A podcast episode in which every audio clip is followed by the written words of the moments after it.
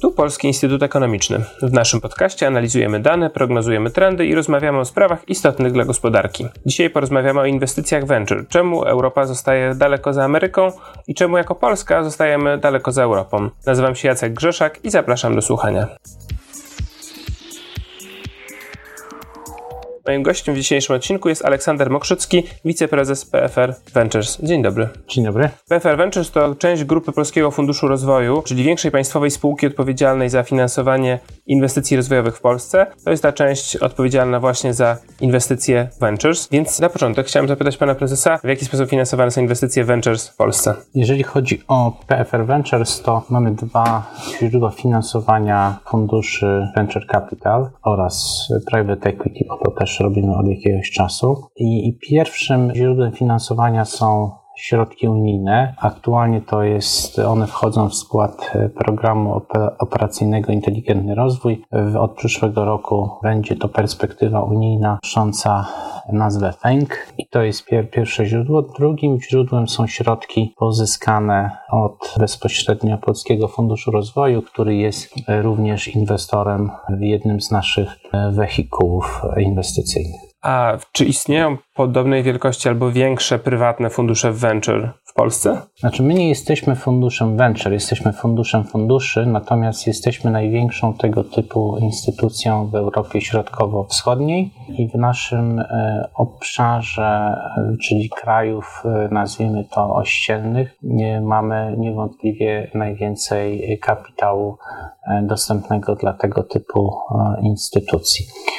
Jeżeli chodzi natomiast o Polskę, tak troszeczkę też może ten temat omówię, no to, to fundusze w Polsce, ich ilość jest też największa wśród, w naszym regionie. Jeżeli chodzi o fundusze venture i tam, tam te fundusze są od kilkudziesięciu milionów do nawet kilkuset milionów złotych wielkości każdy. To warto też powiedzieć, wytłumaczyć pewnie części naszych słuchaczy, która nie jest bardzo biegła w różnych wehikułach finansowych i rodzajach inwestycji. Chciałem zapytać pana prezesa o tą specyfikę venture, czym ona się wyróżnia od innego rodzaju inwestycji. Może zacznę od końca, czyli fundusze private equity. Trochę łatwiej jest zdefiniować. Fundusze private equity to są fundusze, które w większości przypadków dokonują wykupu obecnych akcjonariuszy. Częściowo również finansują wzrost spółki, przyjmują częściej pakiet kontrolny w spółce po to, żeby ją rozwinąć do znacznie większych obszarów, zarobić na tym i następnie spółkę sprzedać albo inwestorowi strategicznemu, e, albo na przykład wprowadzić spółkę na giełdę. Fundusze venture capital co do zasady E, co do zasady obejmują pakiety natomiast mniejszościowe, nie dokonują wykupu udziałów, e, też mówię z reguły, e, od udziałowców, jeżeli już to jakieś niewielkie pakiety i wchodzą na, na, na niewielkie, kilkunasto często procentowe pakiety akcji. Czasami to są pożyczki konwertowalne, ale ale może nie będę tutaj w tej chwili tego komplikował. I wchodzą do spółek, które są na wczesnym etapie rozwoju, dysponują również znacznie mniejszym e, kapitałem w stosunku do funduszy e, tych private equity. E, I to są kwoty zaczynające się w Polsce już od kilkuset tysięcy złotych, w tej chwili nawet bardziej minimum to jest ten milion złotych do kilku, kilkunastu milionów złotych. I to są pieniądze, które trafiają bezpośrednio na rachunek do spółki. Spółka ma za zadanie rozwinąć e, swoją e, działalność, którą dopiero zaczęła, czy, czy którą dopiero e, planuje rozpocząć. Więc to są bardziej mm, pieniądze, pieniądze na początek. W uproszczeniu, już kończąc jakby tą dyskusję między typami funduszy, typami funduszy dostępnych, to fundusze private equity, kwoty tych transakcji są mierzone w, najczęściej w dziesiątkach milionów euro, czasami nawet to jest więcej na świecie, no a fundusze venture to są, to są kwoty rzędu kilku milionów złotych. No i to, co warto chyba dodać, czego bym raz nie wymienił, że mówimy o inwestycjach wysokiego ryzyka. To znaczy, tak. jak rozumiem, w inwestycje venture wpisane jest to, że one są inwestycjami na wczesnym etapie, więc nie do końca wiadomo, co wyjdzie, mówiąc kolokwialnie, z tej spółki. Więc jak rozumiem, to ryzyko tego, że większość zdecydowana takich inwestycji będzie nieudana, okaże się porażką, jest wpisane w samą definicję tego rodzaju przedsięwzięcia. Tak, to prawda. Jeżeli popatrzymy na, na takie statystyki światowe, stóp zwrotu na tym rynku niepublicznym, on nie jest przeznaczony przede wszystkim dla inwestorów indywidualnych i dlatego, że charakteryzuje się właśnie, jak czy Pan powiedział, bardzo wysokim ryzykiem i bardzo duża część startupów na wczesnym etapie y, po prostu upada. To znaczy pomysł nie wychodzi i i, i, i, trzeba poszukać innej metody e, realizacji tego, tego pomysłu. Natomiast w przypadku funduszy private equity, no to oni z reguły kupują spółki, które są już dochodowe. To, to prawda, tu ryzyka są zupełnie inaczej rozłożone.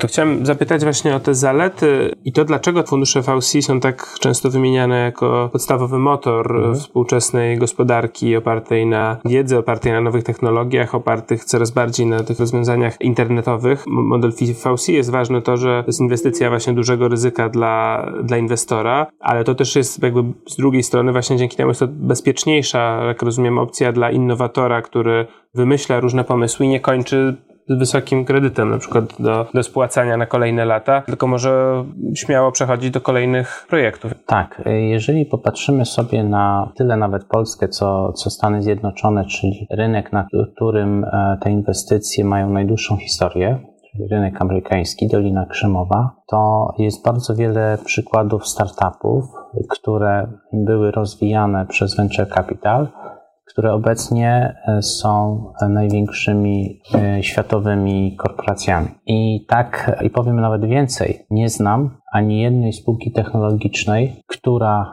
rozwinęła się bez wsparcia funduszy Venture Capital. Ze, ze, wsparcia korzystał zarówno Microsoft, to też jest bardzo ciekawa historia, o którą może za chwilę opowiem, jak i Amazon, Alphabet, czyli Google i cała masa podmiotów, których są setki. E, na giełdzie amerykańskiej zdecydowana większość spółek technologicznych, zaryzykowałbym wręcz stwierdzenie, że wszystkie były finansowane przez fundusze venture. Polega to na tym, jak wielu osobom e, się wydaje, że przychodzi pomysłodawca, powiedzmy Jeff Bezos i prosi o pieniądze kogoś, je dostaje i następnie z tego startupu robi się globalna korporacja.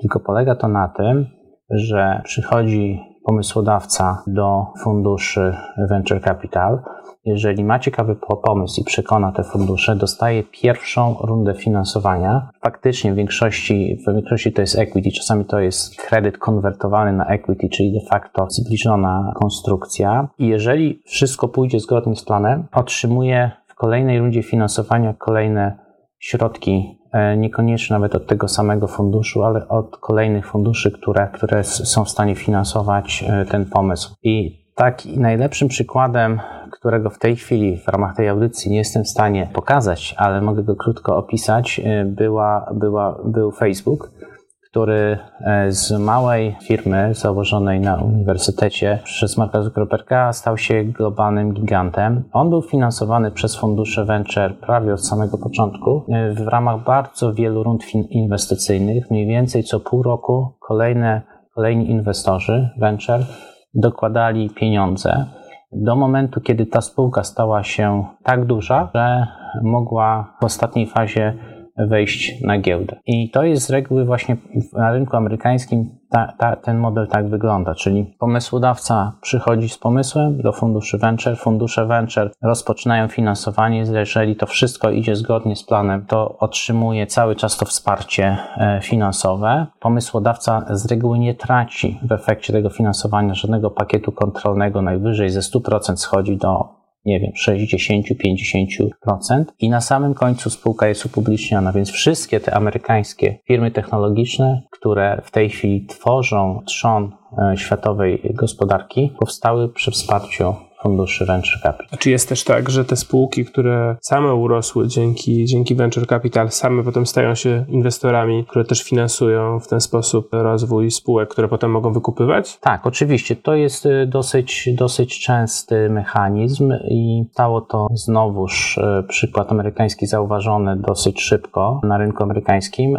że aby spółka rozwijała się w równie dynamicznym tempie co do tej pory, nie jest w stanie z tego robić wyłącznie organicznie, więc największe firmy technologiczne amerykańskie typu y, Alphabet, czyli znowu to jest Google dla wszystkich, Alphabet wyszukuje, zresztą Facebook tak samo, wyszukują nieustannie startupy z nowymi, innowacyjnymi technologiami, aby, aby je docelowo, docelowo kupić i w momencie kupienia tych podmiotów, te podmioty stają się częścią tych korporacji. I tu co do Facebooka, to, to nawet nie będę podawał przykładów, bo można zauważyć, że Facebook, który z tej swojej aplikacji e, wszystkim znanych, e, znanej rozpoczynał, w tej chwili roz, rozszerzył znacznie swoją, e, jak gdyby, swoje źródła dochodów. I Instagram jest takim przykładem, kiedy właśnie startupu, który Facebook swego czasu zainwestował i ostatecznie przyłączył jako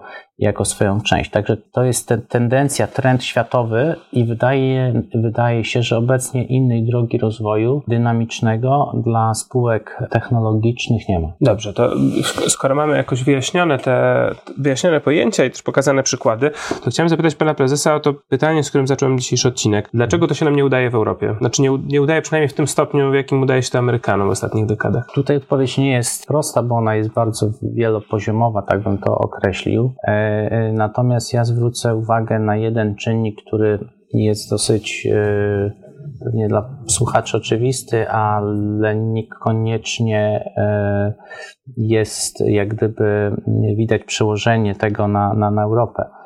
W Stanach Zjednoczonych system system e, wyborczy jest tak skonstruowany, że po wyborze prezydenta prezydent wybiera sekretarzy stanów, prawda, pełni rolę jak gdyby premiera i zarządza gospodarką, czyli jest jedna osoba, która decyduje o obsadzaniu kluczowych stanowisk w, w rządzie amerykańskim. Jeżeli ktoś e, swoje zadanie wypełnia dobrze, to, to, to jak gdyby zostaje na stanowisku, jeżeli nie, to jest wymieniany na nową osobę. I i, w ramach e, kadencji e, jest tak naprawdę prezydent jest jednoosobowo decyduje o, o kierunkach rozwoju, prawda? Jest w stanie, jest w stanie pewne kierunki wytyczyć i dać dużą swobodę urzędnikom w, w działaniu. W Europie sytuacja jest troszkę bardziej skomplikowana, bo mamy system E, system, e, w którym, e, w którym jest bardzo dużo, dużo zmian. Częste są wymiany rządów, nawet dzisiejsza zmiana w rządzie brytyjskim jest tego najlepszym przykładem. I jest to zarządzanie jest w Europie gospodarką jest, jest znacznie, znacznie trudniejsze, w szczególności tych dużych krajach, takich jak Polska, mówię liczebnie w dużych krajach.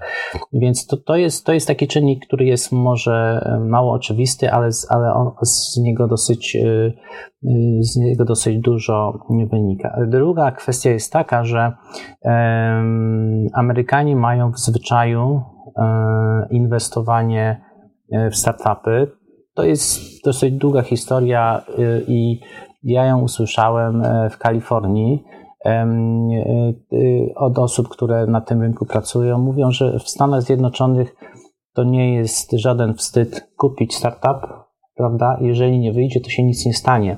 Czyli kupujemy, nie wiem, 20 startupów, z 10 nic nie wyjdzie, z 15 nic nie wyjdzie, nic się nie dzieje, prawda? I, i, może, i kupujemy dalej, ryzykujemy to, że e, któraś technologia zaskoczy i będziemy mieli z tego bardzo duży, duży, e, duży zwrot. W Europie jest sytuacja trochę bardziej skomplikowana. Tu najlepiej możemy popatrzeć na, na Polskę. E, proszę sobie wyobrazić, co by było, gdyby któraś z dużych e, firm państwowych zainwestowała prawda, w, w, w 10 startupów i 5 z nich by zbankrutowało. No, to, to, to by była, myślę, tu nie trzeba zbyt dużej wyobraźni, żeby wiedzieć, że zarząd miałby z tego tytułu problemy, mógłby być, prawda, e, mogłoby to się skończyć dla niektórych osób jakimiś oskarżeniami o złe zainwestowanie środków. Także to jest e, wielo, wielopoziomowy problem, no i dochodzą oczywiście kwestie, e, kwestie mm, efektywności, E, efektywności e, dochodzenia swoich praw e, czy roszczeń przez inwestorów. W Stanach Zjednoczonych jest to rozwiązane w taki sposób, że jeżeli mamy spór sądowy między powiedzmy startupem i, i inwestorem, no to jest sprawa w sądzie, jest wyznaczony termin i w ciągu dwóch tygodni są przedstawiane argumenty i po krótkiej przerwie yeah. Jest, zapada wyrok. W Polsce nie mamy specjalizacji póki co jeszcze e, w tym zakresie. Ja mam nadzieję, że to się zmieni e, w najbliższych e, latach. W związku z tym te, te, te sprawy trafiają do, do, do sądów często gospodarczych i rozstrzygnięcia są, są różne. Tu nie chcę prawda, pokazywać przykładów, ale jest to na pewno w, w Polsce, ale nie tylko, bo w krajach zachodnich jest dokładnie ten sam problem, więc nie jesteśmy tu jakimś dużym wyjątkiem. Po prostu w Europie sprawy sądowe z reguły się, się ciągną e, dużo dłużej. E, ten system e, sądowniczy jest troszeczkę inaczej skonstruowany, co ma swoje wady, ale i, i zalety. Także, także tutaj mówię, to wie, wie, wielopoziomowo można by to analizować i może ostatnia, ostatnia kwestia, która jest może bardziej oczywista. Stany Zjednoczone dysponują znacząco większym kapitałem. E, w związku z tym e, poziom ich inwestycji prywatnych, bo koniec końców venture capital to są inwestycje prywatne, czyli to nie jest rynek publiczny, to jest rynek niepubliczny. Inwestycje, środki na te inwestycje są znacząco większe. W Stanach Zjednoczonych mamy Mamy instytucje, których nie mamy w Europie, które inwestują olbrzymie pieniądze, które inwestują w fundusze venture capital, a fundusze venture capital oczywiście inwestują w startupy, więc jeżeli mamy na przykład fundacje, e, które są fundacja Uniwersytetu Stanforda, fundacja Uniwersytetu Harvarda, czy nawet University of Berkeley w Kalifornii, to, to są miliardowe fundusze, które często są, chociaż Berkeley jest e, może państwowym, jedynym państwowym e, takim e, dobrym uniwersytetem, ale wszystkie prywatne uniwersytety, Chicago, Harvard, Stanford i inne mniejsze, mają fundatorów prywatnych i kapitał inwestują w części właśnie w venture capital. Tego w Europie nie mamy.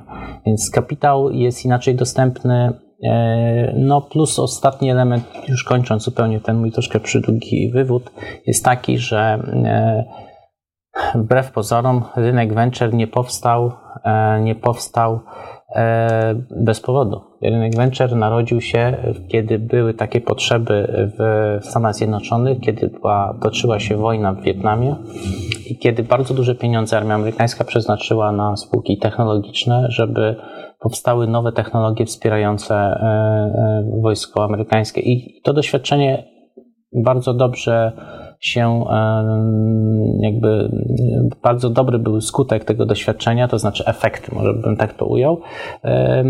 I te pieniądze później popłynęły znacznie szerzej do, do, do funduszy venture capital. Na początku były to pieniądze rządowe, czyli podobnie jak my robimy w Polsce natomiast w tej chwili, e, po kilkudziesięciu latach, bo, bo to de facto były lata 60., e, no ten rynek jest znacznie bardziej rozwinięty niż, niż w Europie.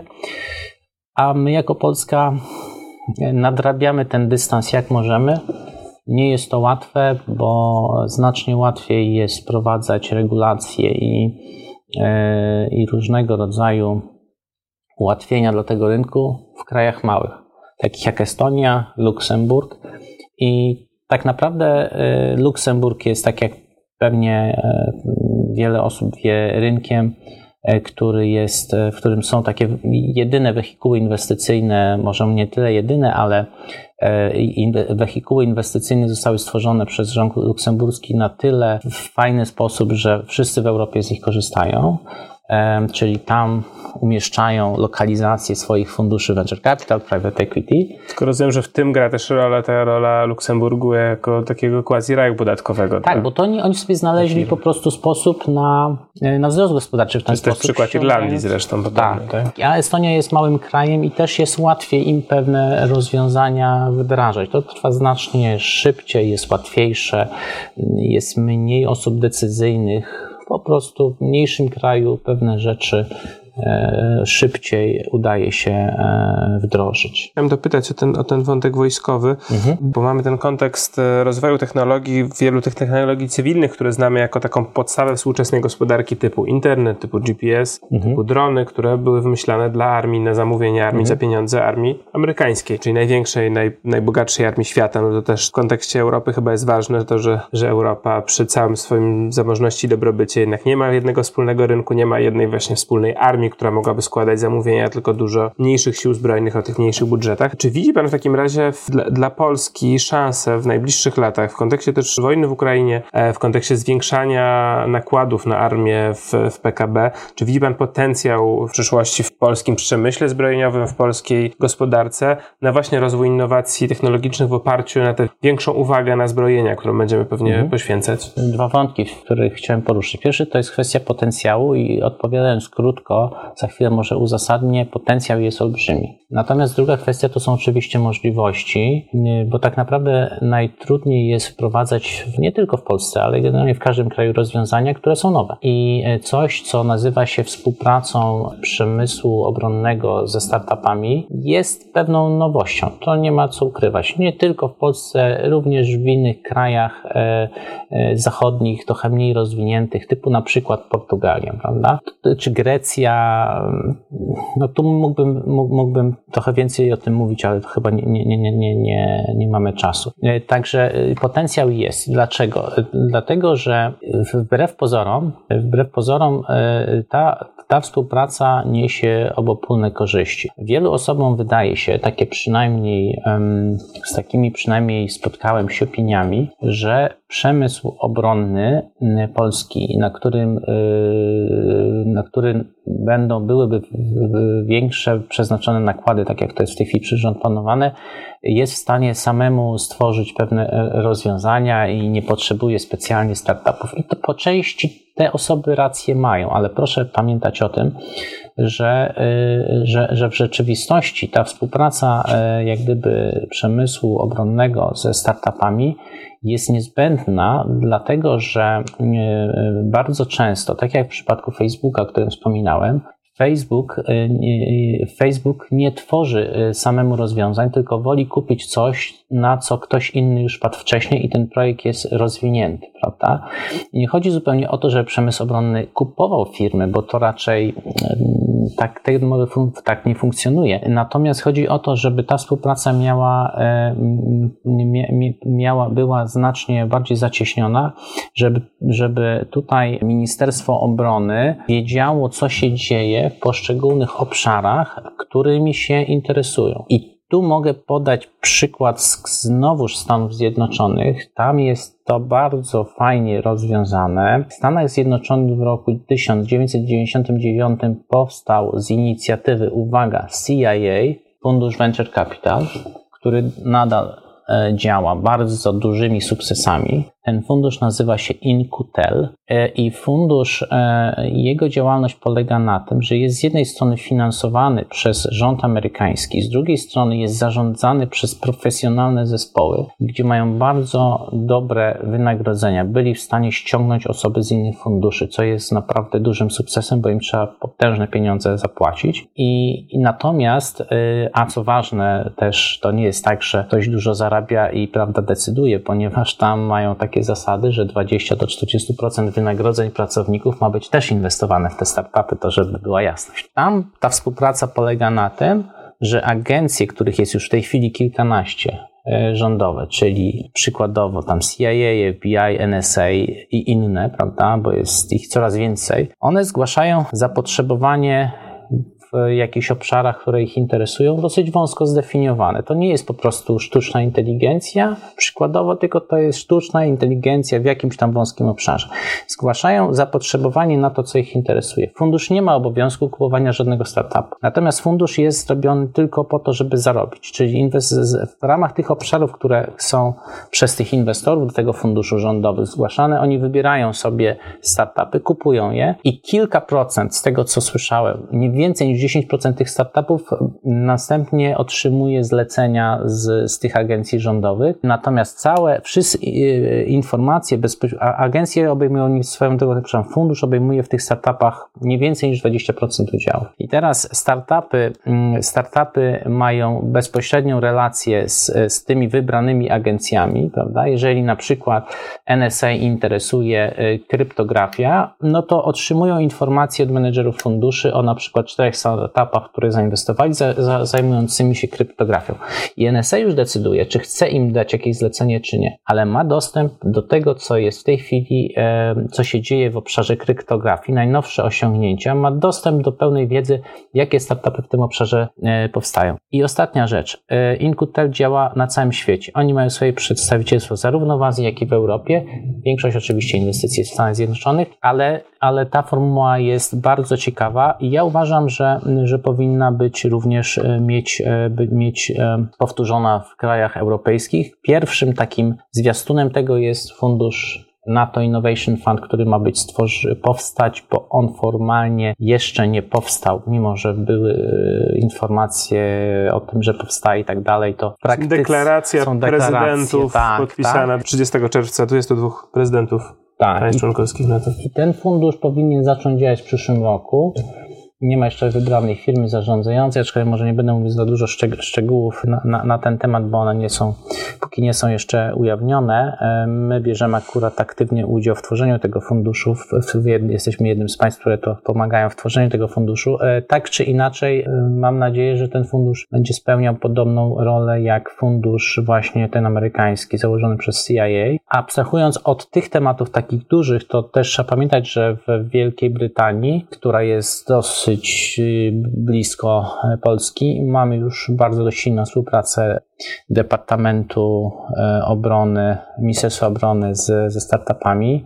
Powstał w ramach Ministerstwa Obrony akcelerator, który zainwestował w 800 bądź 900 startupów, już precyzyjnie nie pamiętam, e, w Wielkiej Brytanii postaci niewielkich kwot, rzędu kilkuset tysięcy funtów w pożyczki konwertowalnej. Tak, taka, taka jest formuła i również e, jest fundusz, e, fundusz w Wielkiej Brytanii e, zarządzany przez British Business Bank, fundusz obronnościowy, który inwestuje zarówno w startupy, jak i fundusze venture capital, które inwestują w startupy, nazwijmy to technologiczne. Ta współpraca jest już dosyć silna. W Polsce wydaje mi się, że jesteśmy na etapie, na etapie mm, w tej chwili już pierwszych przemyśleń, aby aby też e, pójść w kierunku co najmniej brytyjskim. E, natomiast, e, natomiast mm, to jest, to jest kwestia jeszcze, prawda, po stronie, po stronie Ministerstwa Obrony podjęcia decyzji kierunkowych, w jakiej formule E, oni by chcieli współpracować e, z, czy z funduszami venture, czy ze startupami. Ale, ale potencjał, odpowiadając na Pana hmm. pytanie, potencjał jest olbrzymi, bo na chwilę obecną nasze Ministerstwo Obrony nie zainwestowało w żaden startup, tak jak powiedziałem, a Ministerstwo Obrony w UK w e, prawie tysiąc startupów zainwestowało. Czyli pozostaje mieć nadzieję, że podążymy tą drogą brytyjską, a może docelowo drogą amerykańską, bo też to, co faktycznie warto podkreślać, wydatki na obronność to nie muszą być tylko wydatki na pociski, ale też wydatki na technologię, wydatki na najnowsze, najbardziej innowacyjne rozwiązania. Bardzo dziękuję za rozmowę. Moim Państwa gościem był dzisiaj Aleksander Mokrzycki, wiceprezes PFR Ventures. Dziękuję.